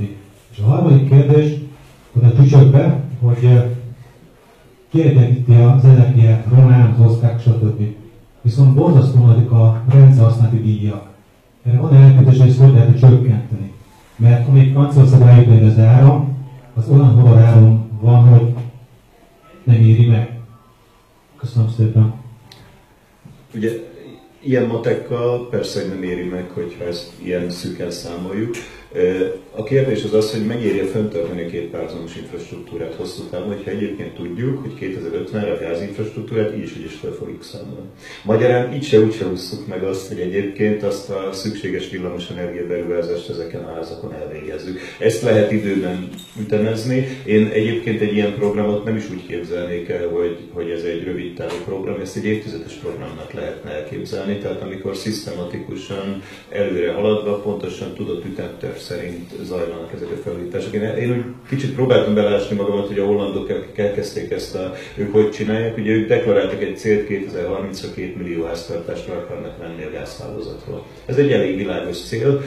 Utána kiválasztottak hét régiót Hollandiával, ahol most elindult ez a munka, mert egyébként az a probléma ezzel, hogy nincsenek könnyű megoldások. Tehát teljesen egyetértek ezzel, hogy persze azoknak a házaknak föl kell húzni, tehát föl kell javítani a villamos energiarendszert. Az az igazság, hogy egyébként amúgy ettől függetlenül, mert függetlenül attól, hogy leválnak el gázról, már most sem írják ezek a háztartások azt, hogy közben hirtelen hogy kikondikálnak a légkondik, meg az összes minden más. Meg egyébként gondoljuk bele azt, hogy hány villamos energiával működő eszközt használ ma egy háztartás, meg mennyit használ buszér, és hiába jobb egyébként ezeknek az eszközöknek és a villamos energia felhasználása. Én is egy ilyen társasházban látom, lakom, és látom azt egyébként, hogy az egész rendszerével van a probléma, mert ugye a lakók egymás után be azokat az eszközöket, ami miatt a ház rendszerét azt, azt föl kell így is úgy is újítani. Tehát a, tehát a válaszom az az, hogy ilyen szűken nézve persze, hogy nem, meg ezt nem úgy kell elképzelni, ilyen őrült módon nekiugrani, és akkor holnaptól betiltani, hanem egy szisztematikus programban egyébként nekiállni annak, hogy, hogy ezeket felszámoljuk. És azért azt tudni kell, hogy a párhuzamos infrastruktúra fenntartása az a költségvetésnek, az adófizetőknek, vagy az infrastruktúra használóknak egy kétszeres költség, mert egyébként a hálózati díjak azok meg ugye szétterülnek, tehát valójában az ilyen kis kihasználtságú hálózati szegmenseknek a megszüntetése az egyébként segítene maradó szegmenseknek a, a profitabilitásán, hogyha most gázálosztó hálózatról beszélek. Egy utolsó szám, hogy 95-ben, amikor a privatizációk megtörténtek, akkor a magyar gázhálózat hossza az olyan 22-23 ezer kilométer volt. Ez 2002-3-ra fölmegy 85 ezer kilométerre. Tehát csak hogy lássuk azt, hogy, hogy itt nem, nem arról szól, hogy historikusan itt mindig is így volt, ez egy borzasztó kényelmes forrás volt mindenkinek, ezért mindenhol bevittük a gázt. Szerintem senkit nem is szabad azért hibáztatni, mert aki fűtött életébe cserépkájával, vagy látott olajkáját, vagy bármi más, amivel ezeket, ami korábban volt, az mind megért, hogy ez miért történt. Csak most van szerintem itt az ideje, hogy a másik irányba is elkezdjük végigcsinálni ezt a programot, és ennek a végese az, hogy nulla lesz a gázhálózat, csak sokkal szisztematikusabban kellene végig gondolni, hogy hol nincs erre szükség. A példám az egy ilyen példa, volt egy kiragadott példa, hogy valószínűleg ott például elég fölösleges a két infrastruktúrát föltartanunk ezekbe a típusú házakba. Ezek még sok más példát is tudtam volna mondani. Én nem szeretnék választani. Nekem ugye a KKV az, az, az, az pont attól KKV, mert ugye az, az, az gyakorlatilag emberekhez érkezik. Tehát a lakossághoz, vagy KKV-hoz adok, ugye lehetne azt a picit demagó kérdést feltenni, hogy adjuk a multiknak, vagy a nagyvállalatoknak, vagy az embereknek, ugye erre ugye könnyű, népszerű választ adni, és nem is mi politikusok nem hajtunk ilyenekre, de, de, de, de én azt gondolom ugye, hogy, hogy ugye ez egy kicsit a programok és a hatásnak a mentén kellene külön választani. Eleve nem mindegy, hogy most gazdasági vagy szociális alapon fogok-e támogatni. Ugye azt támogatom-e, hogy korszerűsítsen és, és valamilyen hatékonysági beruházást végezzen, és hosszú távon éljen túl, vagy adott esetben bizonyos iparágakat, és nem zárom ki, hogy ez a tél vége felé meg lesz, bizonyos iparágaknak ugye effektíve azért adok pénzt, hogy ne halljon éhen, hogy ne szűnjen meg ugye, ami, ami, nem, ami nem, nem jó, üzletileg nem jó, gazdaságilag nem jó, mert ugye etetem, ahelyett, hogy halászni tanítanám. De, de, de ugye, ha ilyen, ilyen, ilyen hal, akkor viszont már biztos nem fog megtanulni halászni. Tehát ugye az a, az a, helyzet, hogy, az a helyzet, hogy szerintem most kb. ilyen választék lesz ebben a történetben, és én azt gondolom, hogy optimális esetben ugye programokra fogunk pénzt adni, már hogy nem mi fogunk, hanem a, a, a kormány, és energiahatékonyságra fogunk pénzt adni, és közben éberen kell lenni. Én azt gondolom, a magyar szociális rendszer talán a lakosság azért nem fog itt megfagyni ezzel azért. Nem lesz probléma, de a KKV-k is oda kell figyelni, és én nem zárom ki, hogy, hogy, hogy lesznek olyan iparágak, ahova, ahova kézzel kell tudni beavatkozni, akár azért, hogy a végét is megélje ennek a térnek. Igen, én a, gondolkodtam közben, hogy ugye milyen hasonlattal tudnám leírni, hogy hogy nem nagy a rendszerhasználati vesztesség, tehát az valóban nem reális, hogy egy magyar cég azt mondja, hogy hú, ez a francia atomerőmű milyen olcsón termel, akkor én megveszem tőle a villamos energiát, és az eljön ide. Tehát ugye ellentétben a gázvezetékkel, ahol talán lehet egy ilyen autópályához hasonlítani, hogy van egy mondjuk egy irány, Oroszországból jön nyugatra, és akkor egy ideális európai modellben erre az autópályára sok helyen föl lehet hajtani, be lehet tölteni, sok helyen le lehet hajtani, ki lehet venni, de hogy alapvetően van egy irány, addig az árampiacnál egy összekapcsolt árampiac az talán valami tóhoz vagy olyan káthoz hasonlít, ahova hát betölteni is lehet, meg különböző pontokon kivenni is lehet, de mégis azt gondoljuk, hogy ugye a közelebbi betöltéseknek, most a vízre gondolok, és nem a feszültségre, de hogy a, tehát a közelebbi vízmolekulákat azt vélhetően a közelebbiek veszik ki, csak az egész rendszer legyen egyensúlyban. Tehát ugye az európai összekapcsolt villanypiacnak ott, tehát ott nem úgy kell elképzelni, hogy akkor mi egy nagyon távoli ponttól ö, veszünk áramot, de valahogyan mégis szinkronba kell lennie az egésznek.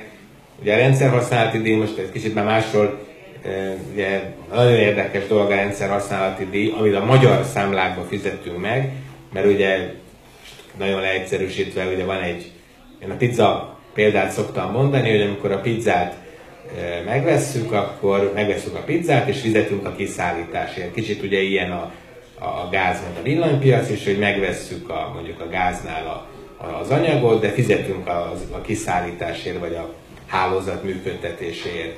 És ugye az, például a bizonyos sokat kárhoztatott rezsiárban ez tolódott nagyon el, hogy a rendszerhasználati díj az mondjuk úgy, hogy piaci maradt, vagy legalábbis nőtt, ugye ott is érvényesítették a, a működtető cégek a költségeiket, és így egyre kisebb tér maradt, mert ugye a besapkázott felső ár miatt már teljesen horribilisen alacsony árat fizettünk a, a, a gázért, illetve az áramért, hát ezen szabadított most részlegesen föl valamit a kormány.